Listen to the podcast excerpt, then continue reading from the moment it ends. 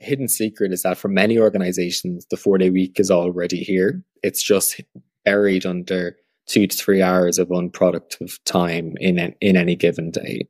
Velkommen til en episode av Work-Life Balance med Sara, hvor jeg, Sara Uldal, hjelper deg som lytter med å skape en sunnere og mer bærekraftig balanse mellom jobben og livet. I en verden hvor kravene til karriere, familie og selvrealisering ofte kolliderer, er det lett å føle seg overvelda og stressa. Men det er håp! I denne podkasten vil jeg utforske strategier, praktiske tips og personlige erfaringer som kan gi deg innsikt og verktøy til å gjenopprette balansen. Med meg har jeg inspirerende mennesker som på forskjellige måter jobber for og lykkes med ulike aspekter av work-life balance. Velkommen til sesong to av Work-life balance med Sara. I denne episoden har jeg med meg min første internasjonale gjest, nemlig dr. Dale Wellahan. Dale er CEO i Four Day Week Global, selskapet som er ledende i verden på å hjelpe bedrifter med å redusere arbeidstiden med 20% uten at det går utover produktivitet eller lønn. Kort oppsummert skal jeg og Dale snakke om hva, hvorfor og hvordan i denne episoden.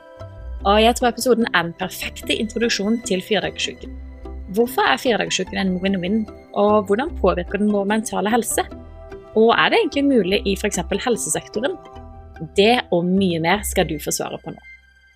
Hi, Dale, and uh, welcome to today's episode. Hi, Sarah. Thank you so much for having me on. Wow, I, I so look up to the work that you and the rest of the team at Four Day Week Global are doing. So I'm so super excited to have you on my podcast today. You're like the rock stars of the four day week, I think.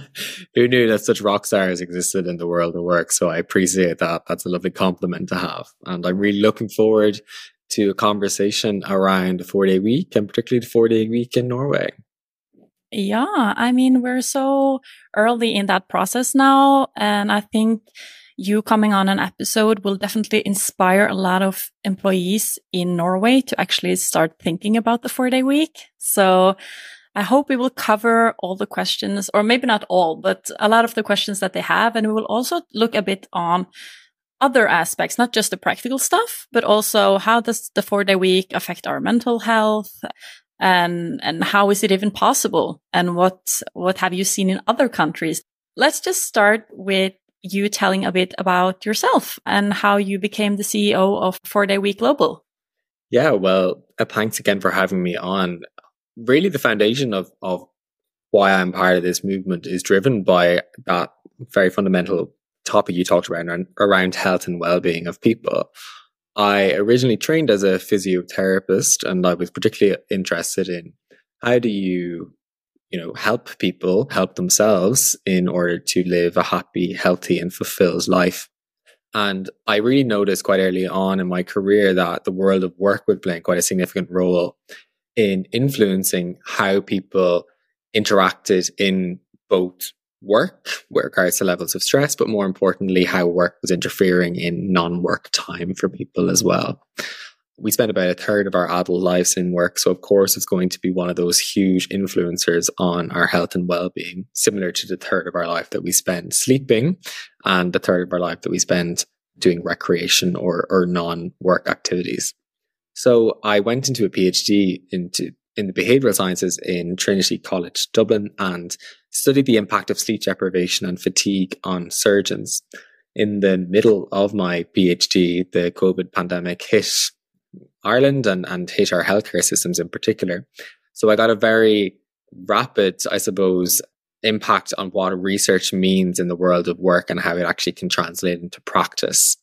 So I, I knew I wanted to kind of go into that space of looking at people's performance and, and how we can better improve their performance by improving their well-being and went into Deloitte for two years to specialize in that space of behavior change before moving on to 4 Day Week Global, which has always been something that I was observing from about 2018, 2019 onwards as a huge organizational level intervention that could radically transform people's interaction with their work for the better. I just I just love your motivation for going into the four day week. Like the key is to work in a different way.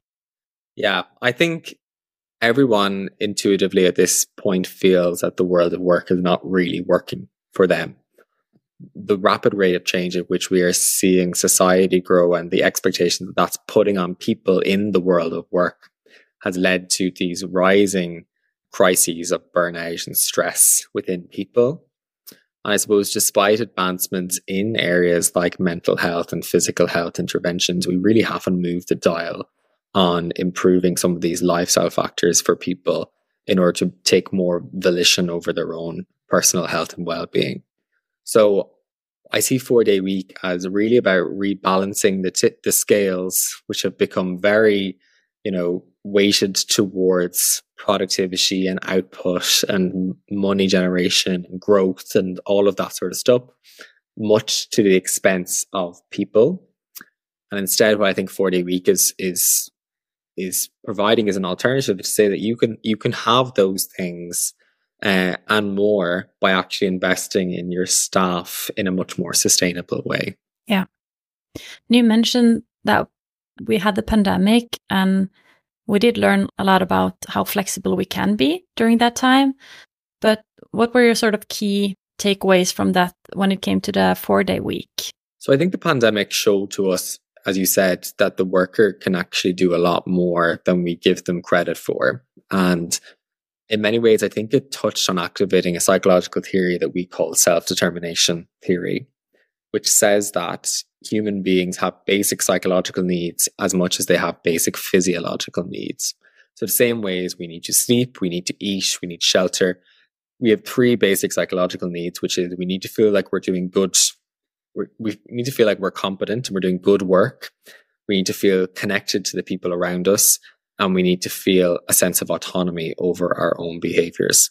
I think the pandemic, in many instances, gave people an opportunity to access those psychological needs, and in other instances, thwarted them as well.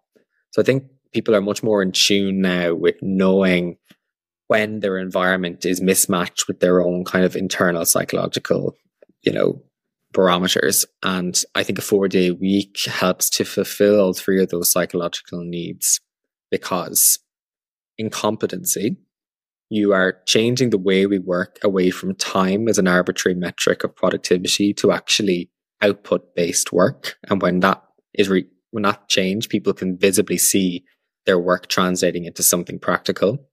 Similarly, outside of work, because people are more time affluent, they will feel more competent in activities outside of work, whether that be parenting, whether that be playing an instrument, you know, taking up a sport, taking up a new hobby. Second one being relatedness. So in a much more hybrid workforce, one of the the issues is how do we feel connected with one another? And I think organizations are really struggling with this at the moment and are, are kind of scapegoating to return to office mandates as a means to try and address this. But just having people physically in the room with one another isn't going to necessarily create a sense of connection. So what a four day week does is says that you need to invest heavily in collaboration and teamwork as a differentiator in order to exponentially grow the performance of your organization. And in doing so, you are building true connection and, you know, inter-unit collaboration. More importantly, though, outside of work, people can gain a sense of connection with family, friends, and, and kids in a way that they haven't been able to do because they've been working longer hours. And then the last one is nearly written in stone in the sense that when you give people more time, they tend to feel more autonomous. So they can, they have more time to do the things that they wish to pursue. So when people have all of those sort of things, their psychological needs are fulfilled. They are intrinsically motivated, not just in activities outside of work, but also in work, which ultimately benefits uh, the organization as well. It's, it's, it's like it's it's so simple that it's almost hard to believe but it's like it's just if you if you give your people some trust and just make them feel good then they'll be so grateful and they'll just give it all back to your company like a happy employee, employee will always feel grateful and sort of want to do what's best for the employer yeah, and it, it pulls again on another theory. Sorry, I'm going to go into theory like crazy go here. ahead because I'm an academic at heart. There's a theory called theory X or theory Y, and it's the assumptions that a leader makes about their staff. So in theory, oh, I'm going to mix these up now, but basically in theory X, You assume that your staff is incompetent and that they must be constantly monitored and evaluated. That speaks to both an insecurity at leadership level around the staff that they hire and recruit. And in doing so, they are undermining motivation of their workforce who actually want to do and take risk and innovate in any instance. So in those leadership situations, the organization is never going to thrive. In the alternative, in theory, Y organizations where leaders place trust in their staff, they they are confident in the recruitment process that they have hired talented people and therefore those people should be trusted to do good and honest work without needing to be constantly monitored. In those instances, you see innovation foster and flourish. And I think that's in a world where the world of work is changing so much and there is a proneness of leaders to be risk averse. We know we need more innovation in the world of work, so we need to create environments that foster that particularly. I think also a lot of people can relate that when you apply for a job, there's often very high standards. You need to go through a long process. At least in Norway, it's like the personality tests. It's multiple interviews. It's a lot of requirements. And then you get the job and you start and they're like, oops, just taking your autonomy. And now I'm just going to micromanage you. And people are surprised that people are being demotivated. Uh, I mean, it's just, I heard this quote once that like, there was this guy high up in the government and he just said, I've always been baffled by why so many leaders are treating their employee employees like kids. Such an offensive way of being a manager. And it's just really demotivating for those high educated, good people that they actually are so lucky to, to hire. I think it's, it's really about time that we do give the employees some more uh, cred. You know, reducing the potential output of that collective human resource. The reality is that the world of business is fueled by people and people's motivation and engagement within the work that they do. The more engaged they are, the more productive they're going to be, the more innovation, the better output. When you do anything that thwarts that level of engagement, of course, you're going to see reduced output, reduced productivity. And I think, you know, Gallup's global workforce trends would suggest only 15% of the workforce is engaged, which is quite an, an abysmal, you know, status for the state of work. And, and you see that rapid antithesis of burnout rates growing, which would suggest that not only are people not engaged, but they're actually actively disengaged in their work. I think leaders who realize motivation is the fuel for their business. And therefore, it, it's imperative for you to understand how to motivate people and motivate people in the right way. They're the ones who are leading in the future of work because humans are no longer operating like machines. It's no longer an industrial revolution style of work. It is a highly cognitive, a highly emotional workforce that is presenting omni, you know, customized and personalized experiences for their customers. And the only way they can do that is when they are motivated to, and engaged to design interventions that are going to be happy or future fit for their customers. I think that's why the issues of AI, which often comes up in the conversation around a four day week, what's going to happen to human workforce in the world of AI. And it's important at this point, in this juncture point, that we we leverage AI to help reduce working hours because AI will allow us to free up our brain's capacity to, to not do as much repetitive work and arduous, laborious work, and instead use what humans can do that AI can't do, which is figure out the human experience um, of a product. And in order to understand that full human experience, we need to not be burned out. We need to be engaged in the work that we're doing. You worked with so many companies now all over the world. How has the response been? I know you now not only have a trial over six months, but also 12 months. Can you just tell us a bit about a summary of what you've experienced so far. Sure. Yeah, so Four Day Week Global conducts pilot studies across the globe, and we have published findings to date in by and large Western countries like the US, Ireland, the UK, and Australasia. saying that we do have pilots happening in every continent at the moment, which I think will be really interesting to understand the relationship between different cultures and working hours over the next few years.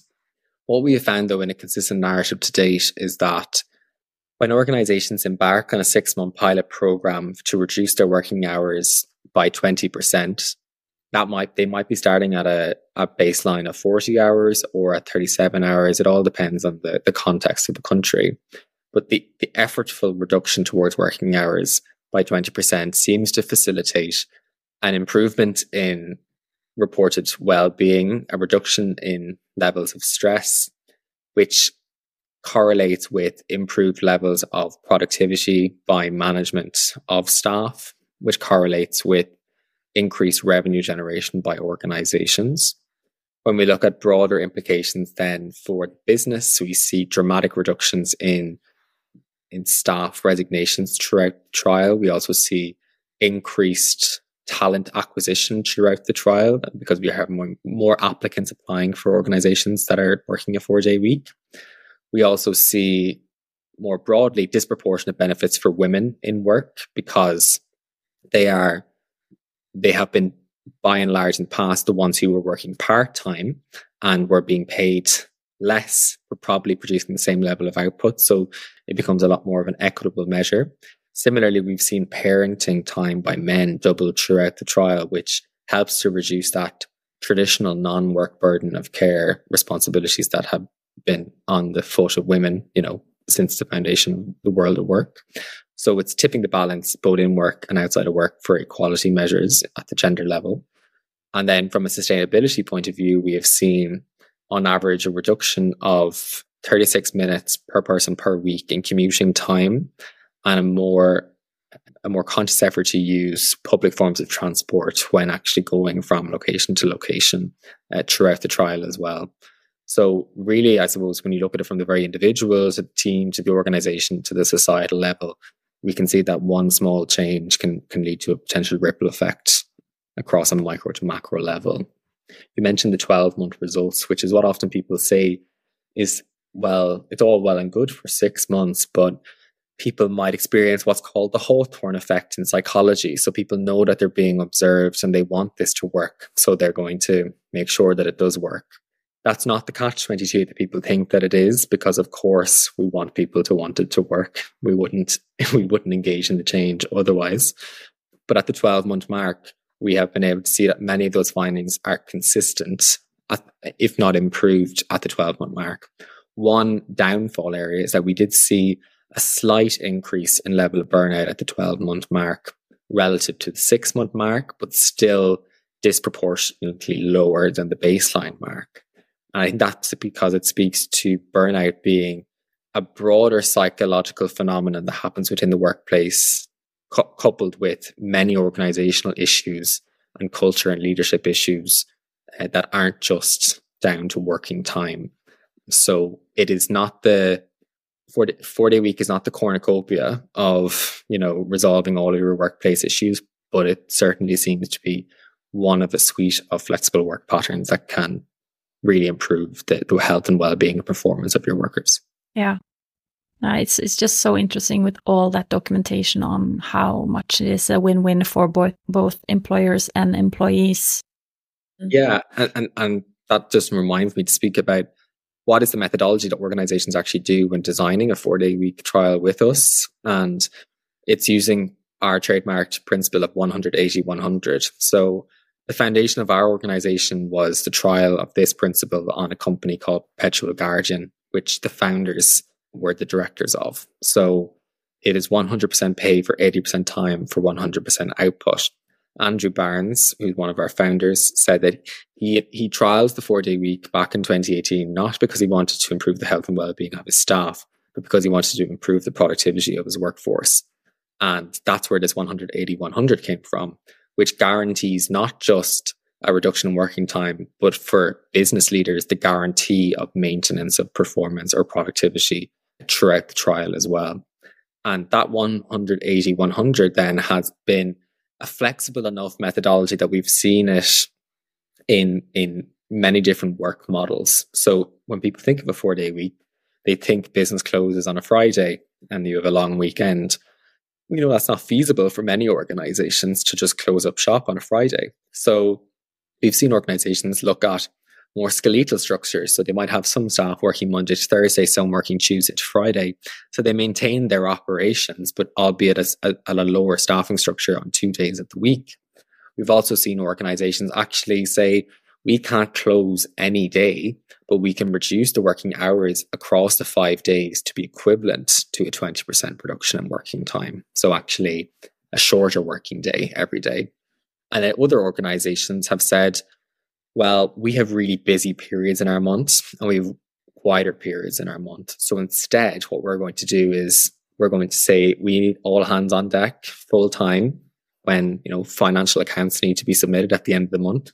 But we're going to reward that dedication with additional time in lieu uh, and time off during the, the lull periods in work. So the 180, 100 is, is achieved over a longer period of time, such as a month, as opposed to a week that's where the foundation of, of Four Day Week Global came from was to be something that is of value to business leaders. That's what that's what drove Andrew's interest in the first place, and he saw this as a potential, you know, benefit for other business leaders in the world. Then you brought me, who had much more of an interest in health and well-being of people, and so that's what I think is is so great about our organization is that we've have people who've worked in unions, people who've worked in the private sector, people who've worked in the public sector. So we have this diversity of thought around why this is good for each sector, each country, each stakeholder in the intervention. I think the fundamental change here is a leadership style that's not focused on what we call Taylorism scientific management from 1911 of nine to five on a service line. Instead, leveraging an understanding of human psychology and human physiology and trying to optimize human performance in a way similar to how other elite industries optimize their performance, like aviation, like elite sport, like nuclear energy. Rest and recovery plays an, an equally important, important role as upskilling does in actually building high performance of your workforce. In no way do we suggest that embarking on a four day week trial is an easy endeavor, but it's, it's sure as hell seems to be a worthwhile one. Collectively, throughout all the companies who've tried the four day week across all of our pilots, 92% of them are continuing on at this beyond six month mark. So it seems to be a worthwhile investment for people. When a company is starting to plan how to reduce their work hour to become a four day week. What is the most typical things that they remove? Like, is it the ineffective meetings? Yeah, the hidden secret is that for many organizations, the four day week is already here. It's just buried under two to three hours of unproductive time in, in any given day. So I've worked in the public sector as a healthcare worker. I've worked in research and academia. I've worked in consulting in the private sector. And in all of those sectors, I have seen a few things that have led to unproductive time. Number one is meeting times. We are death by Zoom. We all collectively know it. We all hate it, and yet we aren't doing much about it. So there is so much that can be achieved in reducing working hour or Zoom meetings from an hour down to 10 to 15 minutes and instead leveraging a much more outcome based approach to meetings. I really like Adam Grant, who's an organizational behavior researcher in Wharton, who says that you should actually be very deliberate about what the meeting is for. Is it to do? Is it to decide? Is it to connect? And that will determine the amount of time that is required for the meeting. Also, be deliberate about who is in the meeting as well. And make sure that you are structuring meetings to be conducted at a particular time in the day, which feeds on to the next change that we see organizations do when doing a four day week the number one thing that organizations do in the get go is say time is no longer the metric of productivity for our organization. Instead, we must define at the individual level and at the team level what are the key activities that are driving business performance and work back from there. So if we know that there is three to four activities in one team that need to be achieved at the end of the week on a weekly basis, and that needs to be done by Thursday close of business, then we need to see how much time needs to be allocated for collaboration, how much time allocated for deep individual work, etc. So timelines become much more important and, and, a key success factor for the realization of, of a successful four day week trial. So we see a lot of organizations prioritizing deep individual flow work and respecting that time for people to do concentrated work, which is very antithetical to what happens in many workplaces now, where people are in meetings nine to five and then actually get their work done from five, five to seven when business is closed. So that's the second thing we, we see. The third is leveraging technology for actually reducing working time instead of increasing working time. And in many ways, that means that we're much more deliberate around the communication platforms that we use and why we use them.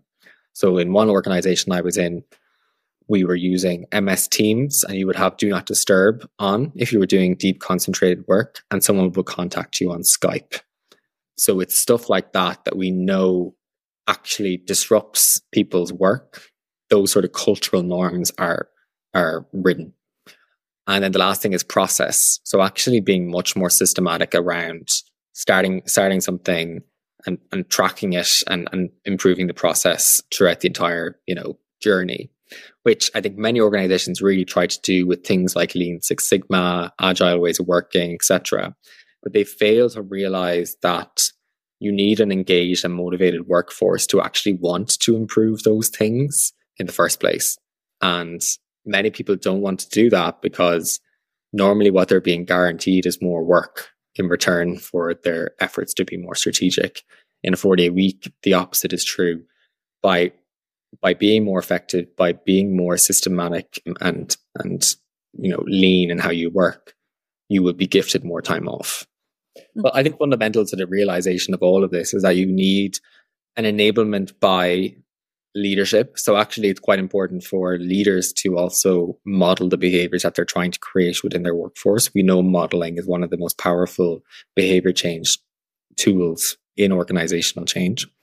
And as well as that, then we need to empower people at the the non-management level to actually design a trial that's going to work for them. So this is best done when leadership give permission, but actually each individual team decides how they are going to do it best. And that's where we've seen this psychological contract established between the worker and the employer, where everyone is collectively bought into the project. Everyone feels empowered to make it work.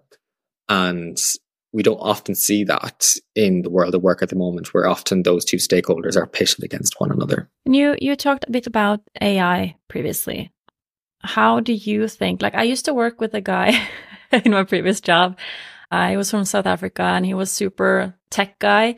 And he, he was always saying like, I think in 50 years, none of us will be working. Just AI will do everything for us. And in comparison to that, the four day week is not that drastical. So how do you, how, what's your experience and your take on AI coming into uh, our lives now and sort of releasing us from at least one day of work to start yeah, with? I mean, technology was the great promise to reduce working hours in the early 2000s. Like Richard Nixon said back in the 1970s or 1960s that with the introduction of technology, people were going to be working less hours. I think it was Keynes, the economist, said back in the 1920s that people will be working, you know, 12 hours a week or something with the rapid rate of change. The reality is that none of those predictions have come true because we haven't allowed them to become true. So instead, what happened with the introduction of technology is that we just continued on with working hours and leverage technology to, you know, propel growth even further. I think we're starting to see the the impact of some of that over the last few years, the unsustainable practices that many businesses are now operating and its impact on people and the environments in which they are, you know, living. I think AI has to become part of the com- or reduce working hours has to become part of the conversation around AI because workers are not going to be able to keep up at the rate of change that AI is going to propel us into. I remember reading something from a futurist who said that the average seven year old now is experiencing change that that me and you experience across a lifetime in about 12 days. And the human brain is not evolving at that rate of change. So we need safeguards in order to protect ourselves in a world that's going to continue to evolve uh, at a much quicker rate than we are. So I think AI needs to help us to reduce laborious uh, administrative work that we know doesn't help facilitate an engaged workforce, but also that it frees up our ability to use the parts that we our differentiators are in the world of work, which is being creative, being innovative, and being human. Like the world of work has lost humanity at its core over the last probably probably always has. We've lost our sense of humanity, not just within business, but in healthcare, in many of these sectors, because people are too burned out to be able to connect with one another. So I see it as actually great promise actually to reduce levels of burnout of people and therefore actually allow people to be a baseline level of happy and healthy to be able to propel themselves into being much more engaged and therefore much more connected with, with one another and create off create interventions for people that will make people happy and healthy uh, in the future, yeah. which is what we should be all striving for. If anything, COVID has taught us is that money doesn't bring us happiness. It's those basic, simple things of connecting to people that we love, being healthy and happy with one another, and uh, looking after ourselves. So we should be creating a world of work in the future that is supporting that, not acting as a barrier to it the continuous stress that so many of us live with today with all the demands, all the areas that we need to deliver on, they were just removed during the pandemic. And it really taught us something about, or at least made us reflect on like, and then we came back to how it was. And it's like, hmm, maybe we should go find something in the middle. Yeah. And when we look at it at a physiological level, there's two stress hormones at play. So we obviously have our fight or flight response system, which is activated when we perceive threat in our environment. And that's a very primitive system at play. Often in life, we aren't under any real threat anymore, but that doesn't mean that our mind doesn't tell us that we're under threat constantly.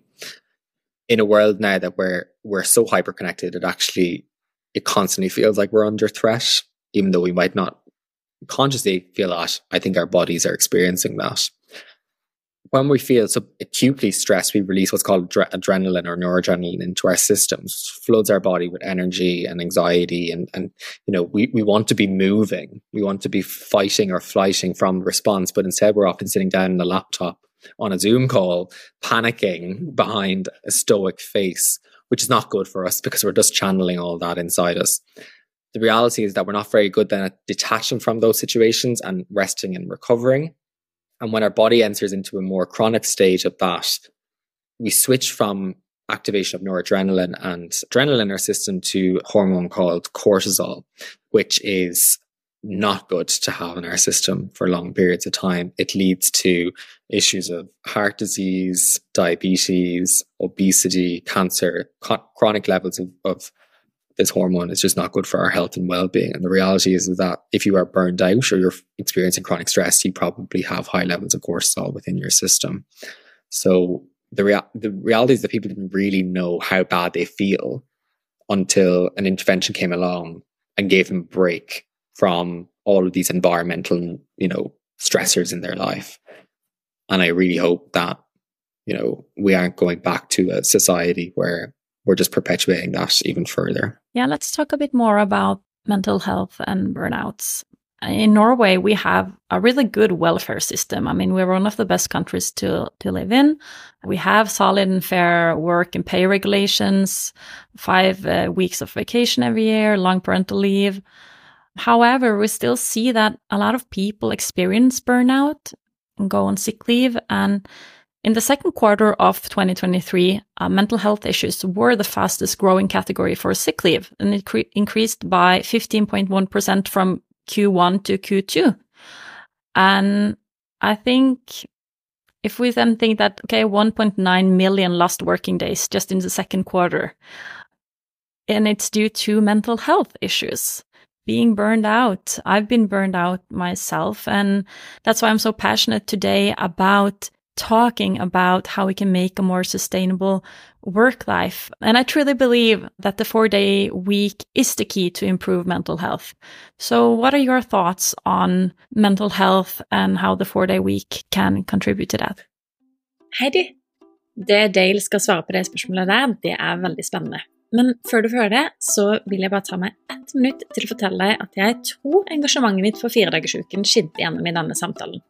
For etter episoden var ferdig spilt inn, så spurte faktisk Dale meg om jeg kunne tenke meg å bli den første norske partneren til 4 Day Week Global. Det er kanskje ingen bombe at jeg gladelig takket ja til det tilbudet. Det betyr at hvis bedriften som du eier, leder eller jobber i, er interessert i å teste ut en firedagersuke, og ønsker å gjøre det på best mulig måte ved å bruke en metodikk som allerede er testet av flere hundre bedrifter og flere tusen ansatte verden over, så er jeg den som kan lose deg trygt og effektivt gjennom den prosessen. I løpet av januar lanseres det nye selskapet mitt som skal jobbe med dette, og en tilhørende nettside hvor du kan lese mer og melde deg på til både pilotprosjekt og webinarer. Men før den tid så kan du følge meg på LinkedIn for mer informasjon om når, hva, hvordan, hvorfor. Og du kan gjerne sende meg en DM der inne hvis du er litt ekstra nysgjerrig og ønsker at jeg skal holde deg i loopen framover. Så det store spørsmålet er vil ditt firma gå inn i historiebøkene som en av de som var med på den aller første runden med 4 Day Week Global pilotprosjekter i Norge? Det var det. Nå tilbake til episoden.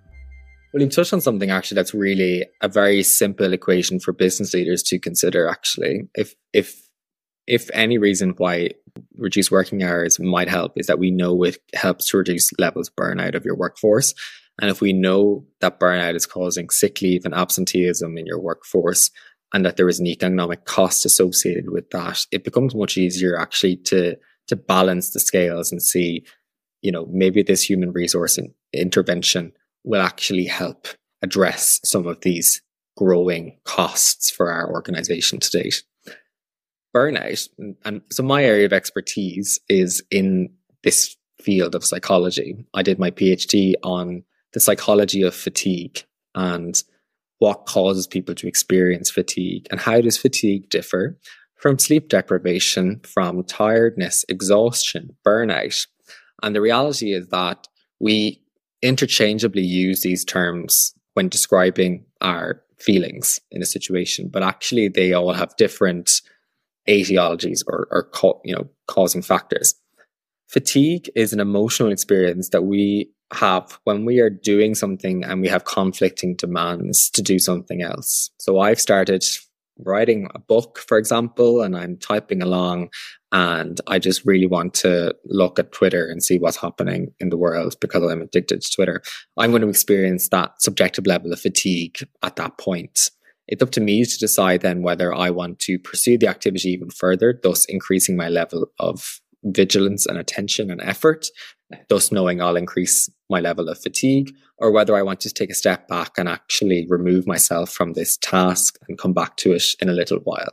So that's what fatigue is. And I think that's a really empowering thing for an individual to understand what makes them experience fatigue and how they can better manage that themselves if we treat fatigue as an emotion similar to happiness and sadness and you know all of those sort of things then we can we have power over you know managing that emotional response. Sleep deprivation is is when we uh, obviously don't get the optimal sleep quantity or sleep quality of 7 to 8 hours in a given night. And then burnout is an organizational issue characterized by three different variables. It's when people experience emotional exhaustion in their work, they experience depersonalization in their work, and they have a reduced sense of personal accomplishment in their work, a sense of an inefficacy. Burnout is an organizational problem and it's caused by organizations, not by people. Fatigue is caused by people and their interaction with the work that they do. Sleep deprivation is caused by people not getting enough sleep. The problem is, is that the three of them present with similar signs and symptoms. So we talk about feeling tired and exhausted and act oftentimes they can interchange with one another. So if I don't sleep enough, I'm going to wake up feeling tired. I'm going to go into work. There's poor leadership, poor culture. I'm not going to get my work done. I'm going to feel ineffective in my work. I'm going to feel emotionally exhausted because I don't have as much you know bandwidth to engage in my work, which is only going to make my fatigue even worse. So disentangling some of these psychological phenomena can be really empowering for people. But at the root, burnout is by by intervening with a four day week, at least we can change the environment in which people are operating in to make work not a place that's going to perpetuate some of these issues even further. And I think by doing that and gifting a four day week to someone, you also are asking someone implicitly to look at their own performance and understand their own you know lifestyle factors and their own lifestyle behaviors and see whether they are actually working and living as optimally as they possibly can.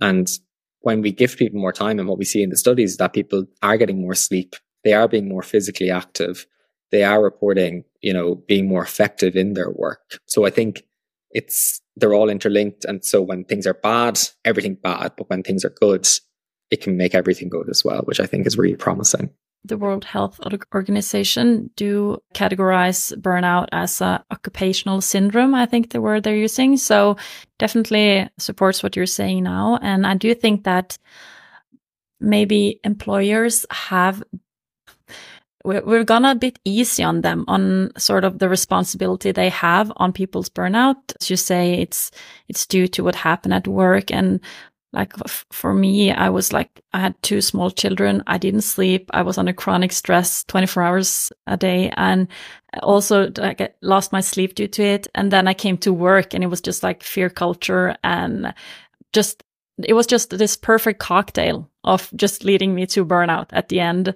And I, I really had needed then an employer that saw me, that uh, wanted on an ethical level to just help me because I was really struggling.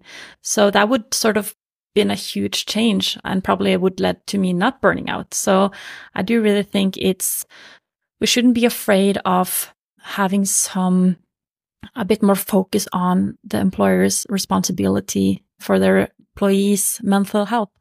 Yeah. And I think that's feeding into a broader cultural issue around mental health and its disclosure in the workplace. I, I I struggle with my own mental health. I've gone through periods of burnout and depression and anxiety, and I've had suicidal thoughts. I've I've I've been through a lot over the last few years, and a lot of it has been fueled by perfectionism that is deeply ingrained in me from childhood of achievements, which in a world of capitalism I thrive in, you know, because striving for more and more and more, you know, that is what I will baseline do. And I have been in many work settings where, you know, there's this encouragement and tokenistic talk of wanting to speak about mental health, but not, don't speak about it too much. I don't want to know too much about actually how you're feeling. And it's funny how we've normalized conversation around burnout as just being like a natural consequence of work as opposed to a huge problem. We shouldn't we shouldn't be accepting that people are tired, exhausted, you know, needing to take long periods away from work because of the work that they are doing. That is just I don't know why as a society and as leaders we accept that in today's world when collectively deep down we all know how wrong it is. And I think what the what four day week has shown is that many leaders want this as well. It's just this fear or apprehension of doing it. And I think if we could just build a little bit more human connectedness in work and separate the person from the worker and realize that actually, you know, you aren't a clog in a machine.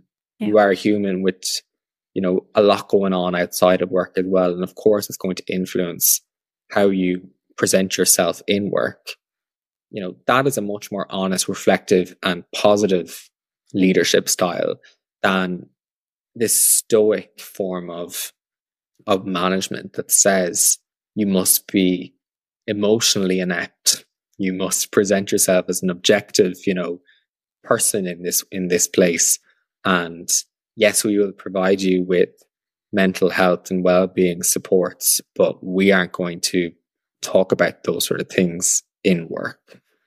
The more I've spoke about my own personal, you know, experiences with my mental health, the more people have come to me and said that is so refreshing to hear, you know, and it's it's I'm very lucky now and fortunate to be in a position, you know, of influence and to lead an organization that I feel empowered to talk about these things. And I know that it, it is helping people, you know, who see that in me.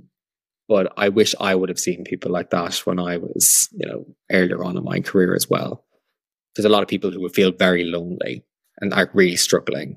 And the world of work is accepting that at the moment. And I just wish that it wouldn't.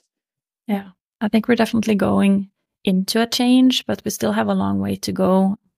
I also experienced like sharing about my burnout on LinkedIn has like sometimes gone like out of proportion on the feedback. It's just been people are just so grateful that one address it and and they everybody just feels so lonely in their burnout or in their stress and it's just such a sign of not succeeding but actually nobody's succeeding. Like everybody's just like going forward trying to make it work in this very stressful uh, world we're living in.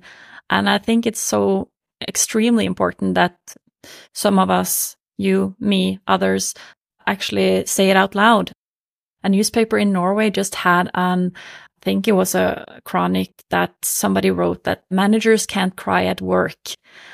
And it was just like such a weird article because and and, and a lady wrote this one uh, article against it and then said like I cry at work all the time. Like that's me. I'm just a person even though I'm also a manager.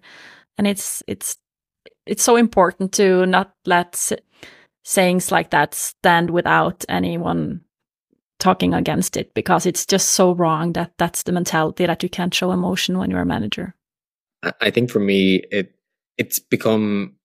I thought I knew a lot, and then I realized I knew very little about my about my emotions, and I went I went many years without crying because I grew up in a society, and and worse for men, that said it is not okay for you to to show your emotions or to be vulnerable or to cry and, you know, I realized just after a while that like it was spilling over into other effects. It was leading to, you know, using alcohol as an escape mechanism. Then it was using exercise as an escape mechanism. And like I was always running from something and not confronting, you know, the the issues that I had within myself.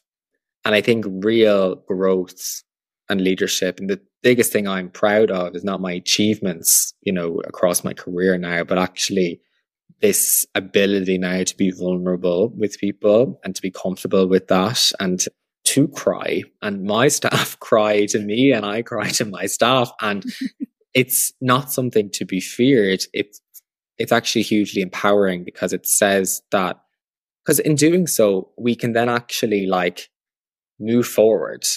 You know, we can actually have a cry or be upset about something, come to a solution, come to a resolution, and then grow from that and, and do something even better. Whereas when you're constantly stuck in this state of saying, I'm not okay, but I'm not going to show that, we know time and time again that that doesn't work for people.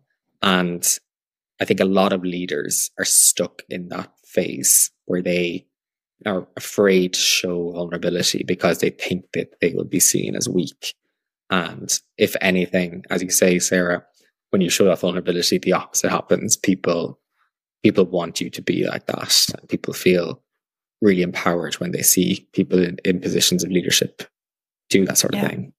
And I do think that, as you mentioned, managers, leaders, they often maybe have the worst uh, work life balance. Sort of they think they have like pressure from both over them and under them, and and I do think that because often I feel like when we talk about the four day week, when we talk about flexibility, it often like, yeah, what's the word for that? Like, not, yeah, like, like we're talking about different stuff and that like us against them, but it's, it's not about that. It's like, it would also benefit, yeah, of course, economically, economically that we would work for the week, but also for the managers, they will also get more time to heal, to recover, to take care of their mental health.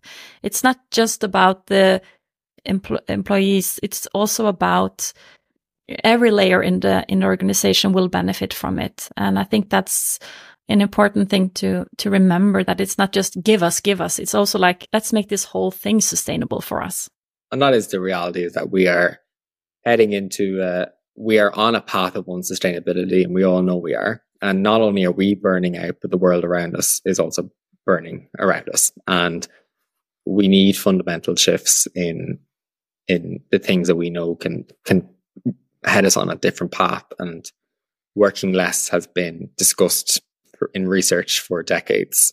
And we know that this model of work of the nine to five is based off a very industrial form of revolution of work, which we do no longer operate in. We know that human physiology says that we have limited attention spans and that we work best when we rest and recover in order to get more out of ourselves. And I think it's about being courageous enough as a leader to trial something like this but know that there's support out there. You know, there are many other leaders out there, organizations who are part of our trials. It's not like you just snap your fingers and start this on day one. You can put sufficient guardrails and safeguards in place to set yourself up for as much success as possible. And if anything, what this is doing is is generating innovation within your workforce, which we know the workforce needs right now. I want to hear a bit about your work life balance. But before that, we need to talk a bit about the health sector because that's often a sector where when I bring up flexibility and the four day week, etc., it's often met with like it's like we need to be everybody needs to be here at all time because we have patients, etc. Have you ever worked with the health sector? Is it possible to do a four day week? I guess it would mean that they will need to hire more people because yeah, they need to be at work. But do you have any experience with organizations like that? So yeah, we do work with healthcare organizations and it's a it's a particular sector that's close to my heart because I worked within the public sector. I worked as a healthcare worker and also as a researcher. I also did my PhD on healthcare workers and burnout. So you're right in saying that actually the four day week sometimes needs to look a little bit different in sectors where maybe continuity of service provision is required, as in healthcare, where patients don't just need you nine to five, they need you seven days a week, 365 days of the year. So, close to your home in Iceland, they reduced the working hours in the public sector, I think back in 2017, 2018. And that included healthcare workers. And what they had to do was hire additional staff to offset that reduction in working time for current staff interestingly, what they did is they looked at more of the macroeconomic costs of such an intervention and found that they were able to reduce the reliancy on agency staff, which meant that, you know, agency staff cost disproportionately higher than full-time staff already. So you were able to actually hire more staff and reduce the reliancy on those. Also, they were able to see lower levels of staff absenteeism, presenteeism, issues around recruitment and retention and the costs associated with that essentially those costs dramatically reduced. So they were able to create what I think is essentially a more sustainable healthcare structure. So they now had actually enough staff working the right amount of hours to continue to provide a more sustainable healthcare system of service provision. The world's healthcare is, is one sector which has faced extreme pressures as a result of the pandemic it is not just an issue where people are going from one healthcare system to a better healthcare system now to work, which in the case of Ireland, people used to emigrate to Australia or to New Zealand. People are now leaving healthcare systems and healthcare professions altogether, myself included. And that is because people are realizing that this is not a this is not a world of work that I want to be working in in 30, 40 years time. So apologies. So a four day week, I think, yes, it might require a level of investment, but actually, it is deeply important that we start addressing issues of burnout within healthcare, or, you know, God forbid, we're going to have healthcare systems that are no longer functioning within societies, which is not good for the public. Yeah, because that's really a hot topic in Norway also these days that doctors, nurses are leaving the sector crying at work, being burned out. It's really getting a bad reputation, but it doesn't seem like it's urgent for anyone to actually change it. People then maybe won't go into the education even, just they will know that it's not a sustainable work to be in. So healthcare and, and many of the vocations like teaching is going to perpetually face an issue in society as well you decided to go into this you you knew what you were signing up for you are a caring person. So therefore, you should be grateful that you are just working in this caring profession. I think that is why we have seen a general malaise towards any sort of radical transformation in any sort of HR system in the public sector caring professions over, you know, since the foundation of many states. So selfishly, if that's not going to be something that's going to drive you as an individual, not within healthcare, you should at least think, well, what happens when I get sick? And I have to go into the emergency department and there's no doctor or no nurse to see me for 12 hours. Or I'm going into an operating theatre with a surgeon that hasn't slept for 48 hours. Or I'm in a post operative unit where there's supposed to be five nurses and there's only one nurse looking after 12 patients we know that long we know that burnout causes increased levels of error making. We've seen landmark cases in many states of medical error resulting from residents fatigue. And so if anything we should be invested in wanting to make these people less burned out because we will one day need them for our own health but Dale, I want to hear a bit about your work-life balance. As you mentioned, you have had uh, some challenges with mental health, uh, and you are the CEO of a big company. So, really want to hear how you take care of your balance.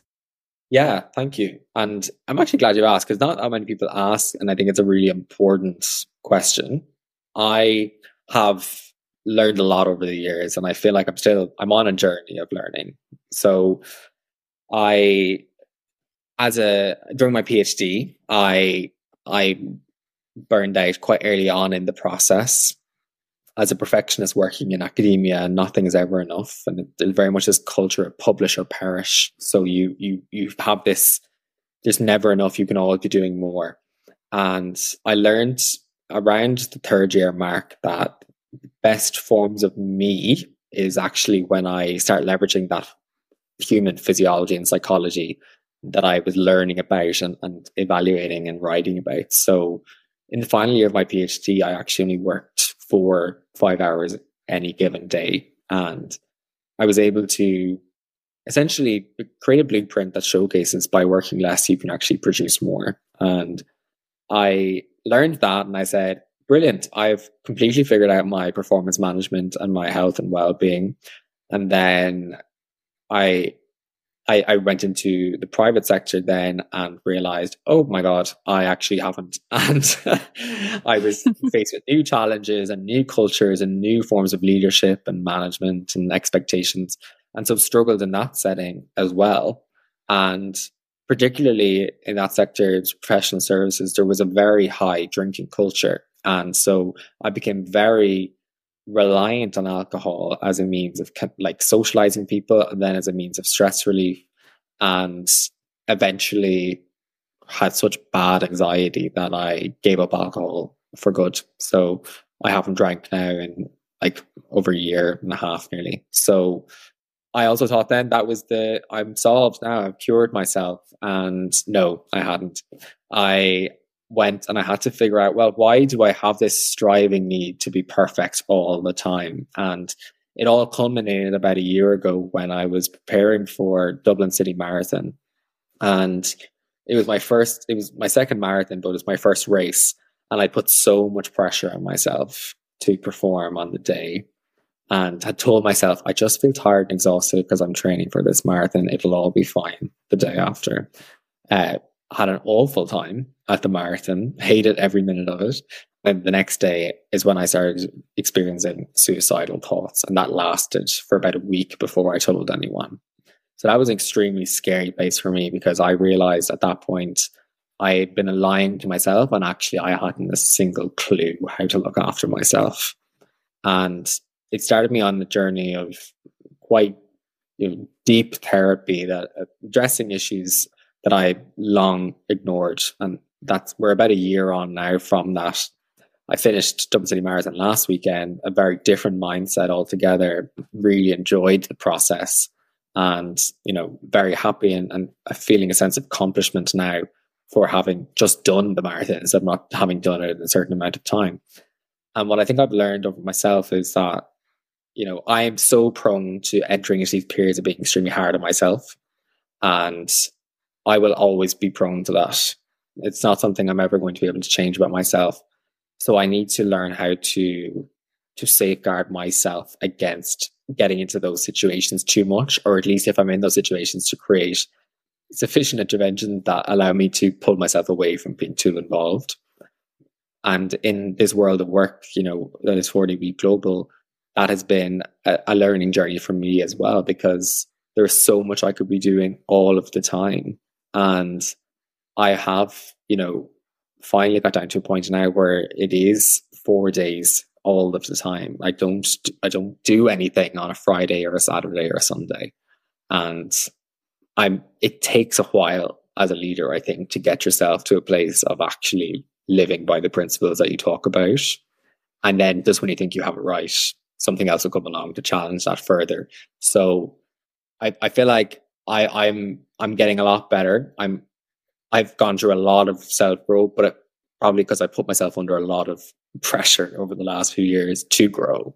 And so that's that's probably the journey I'm on at the moment, and ever growing, and ever one that is, I'm sure, going to present me with many more challenges down the road.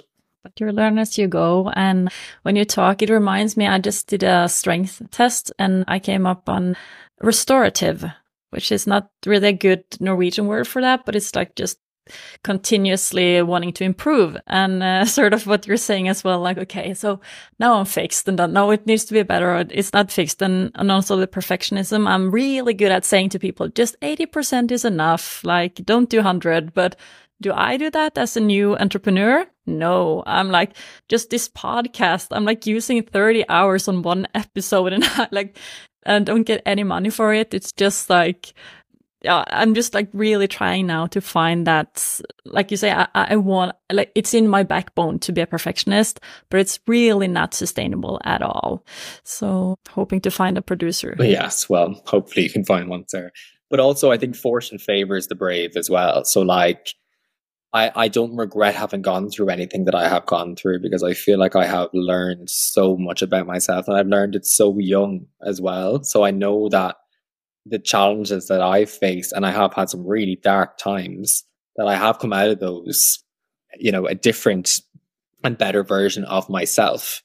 So I, I not in the thick of the moment do I view the challenge as an opportunity, but on reflection, I certainly, you know, I, I try to take, you know, positive appraisal in in everything. And all I kind of want to do now, and I think it's and I'm sure you're the same there, you're you're driven once you find out your purpose and you find out what it is you're trying to achieve in life, that really can carry you through a lot of those dark times. And ultimately, all I want to do is create a happier and healthier place, you know, than where where I born into. And I think the world of work that I'm trying to do at the moment is helping, hopefully, to facilitate that. Yeah, it's I can really relate to your story and and also taking some positive out of it. Like I feel like my, I was burned out for a year or like on a sick leave for a year. And I feel like that was sort of my worst year, but it actually now looking back, it was my best year. Like I did all that important work and it's, it's really, it was a life changing year. And it's the reason why I'm doing this today, trying to make a more sustainable work life in Norway. So something good always comes out of. And that, I think that's true strength. You know, I mean, true leadership and you know, the most successful people in this world aren't people who make the most money, but it's the people who can actually do the hard work on themselves and figure out what it is that drives them and motivates them. And oftentimes those people realize that it's something bigger than themselves.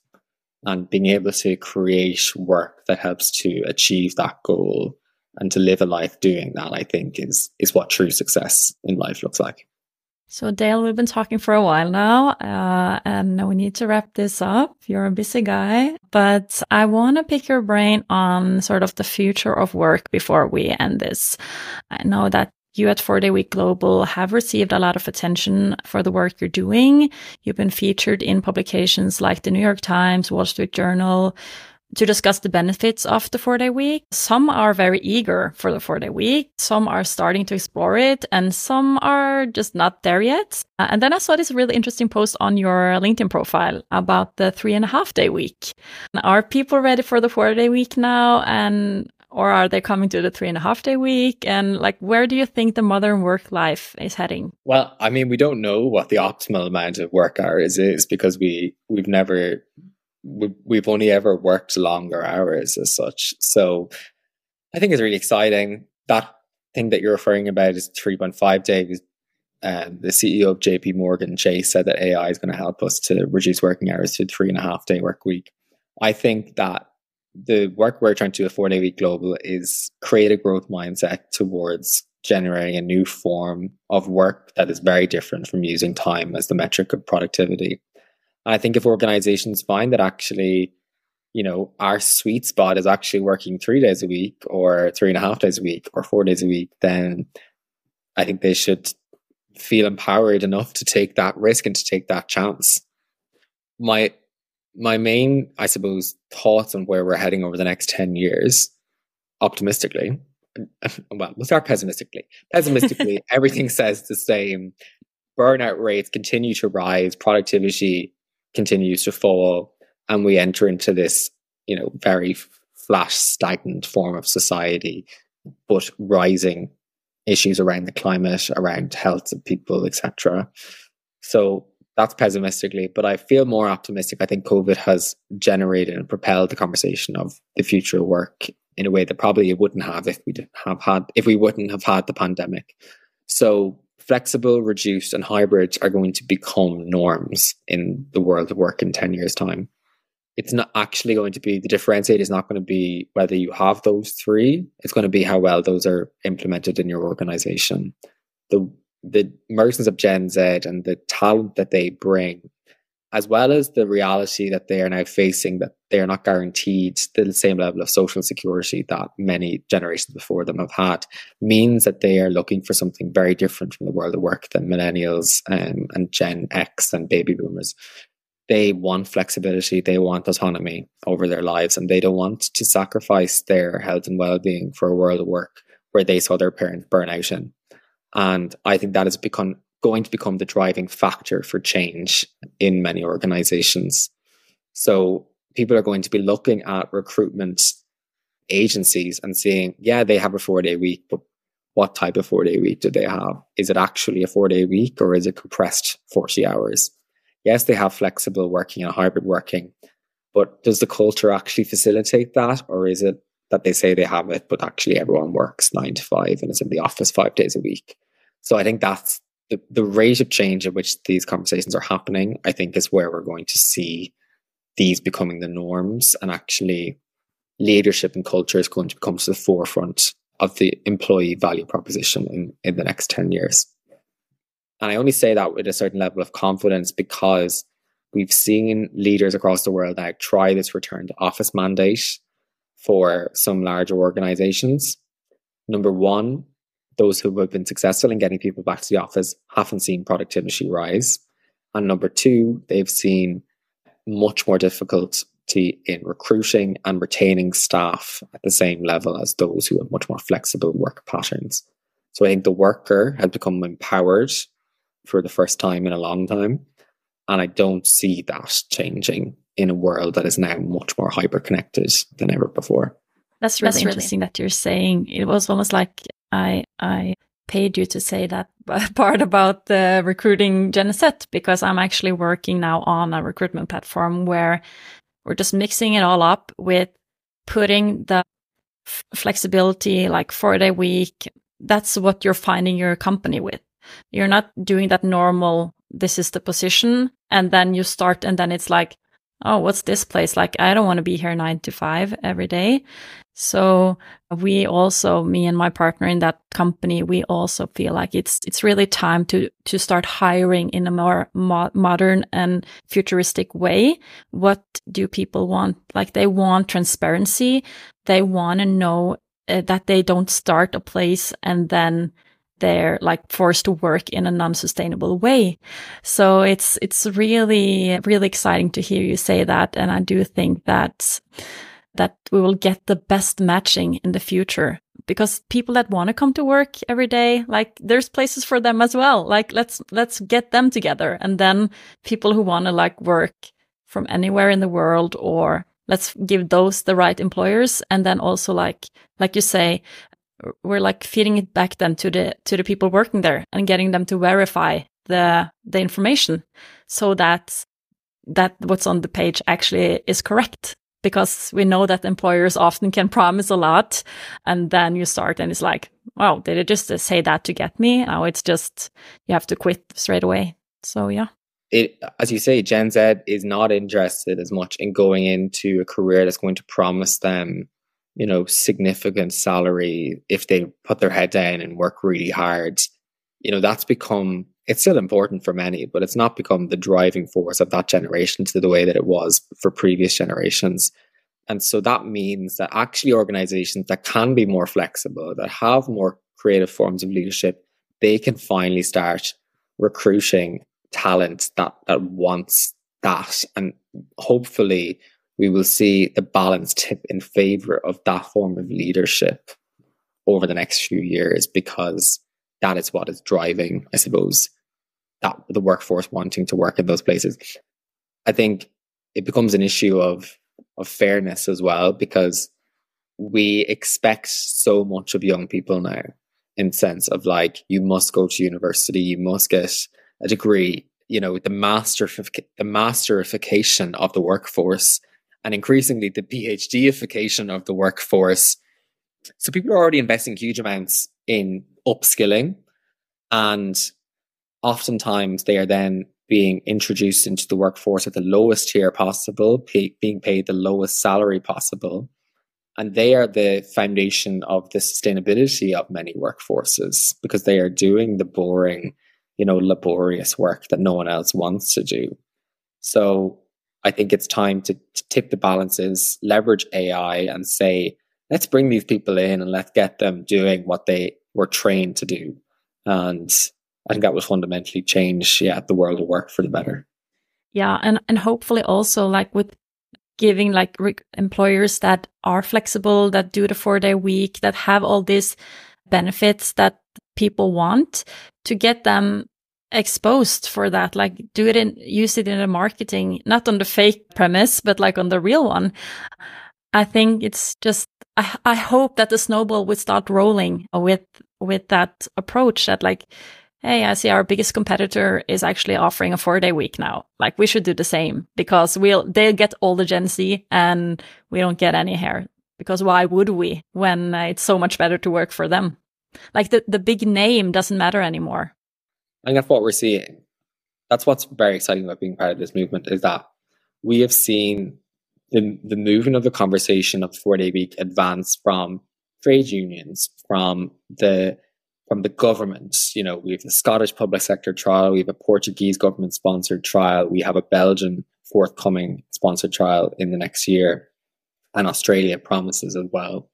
But we are seeing, you know, we've just worked with Medibank, which is the largest private health insurance company in Australia, to implement their four day week, which is going to put pressure on their competitors within the Australian market, which is going to put pressure on other insurance company markets on a global context. And it only takes a certain amount of these companies, bigger companies, to say, we're going to jump first to create a sense of critical mass within the industry where actually this is not a nice to have, this is a must have now. And that's why I think, you know, 4 Day Week Global only published our first results less than a year ago.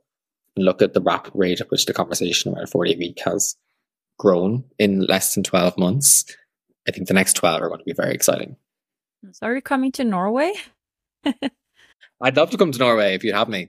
Um, yeah. We we have we have a Swedish partner, so we will be launching a pilot in Sweden next year, and there is a lot of work happening in Denmark as well. As we haven't to date has an interested party from Norway to, who would like to work with us on launching a pilot, but we are always looking at launching uh, new pilots and new studies in different countries and Europe is becoming a hotbed for us now.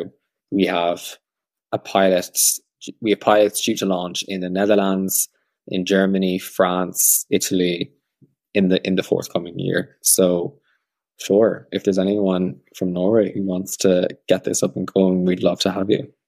I mean, they should be super eager because actually it's very unique now in Norway that you can jump on this. And actually we'll be remembered in history for being like one of the first big companies actually joining in on this. I mean, it's so far, it's like daycare and and a small four man business that's like the only two companies in Norway I've heard of doing this. So it's like it's such an unique time. I don't see why other people don't jump on this because you will like go down in history for being one of the first big companies in Norway doing the four day week. And that's pretty unique opportunity, I think. Yeah. For sure. And and culturally, Norway is in a much more advanced conversation state around working hours and work life balance than many other European countries.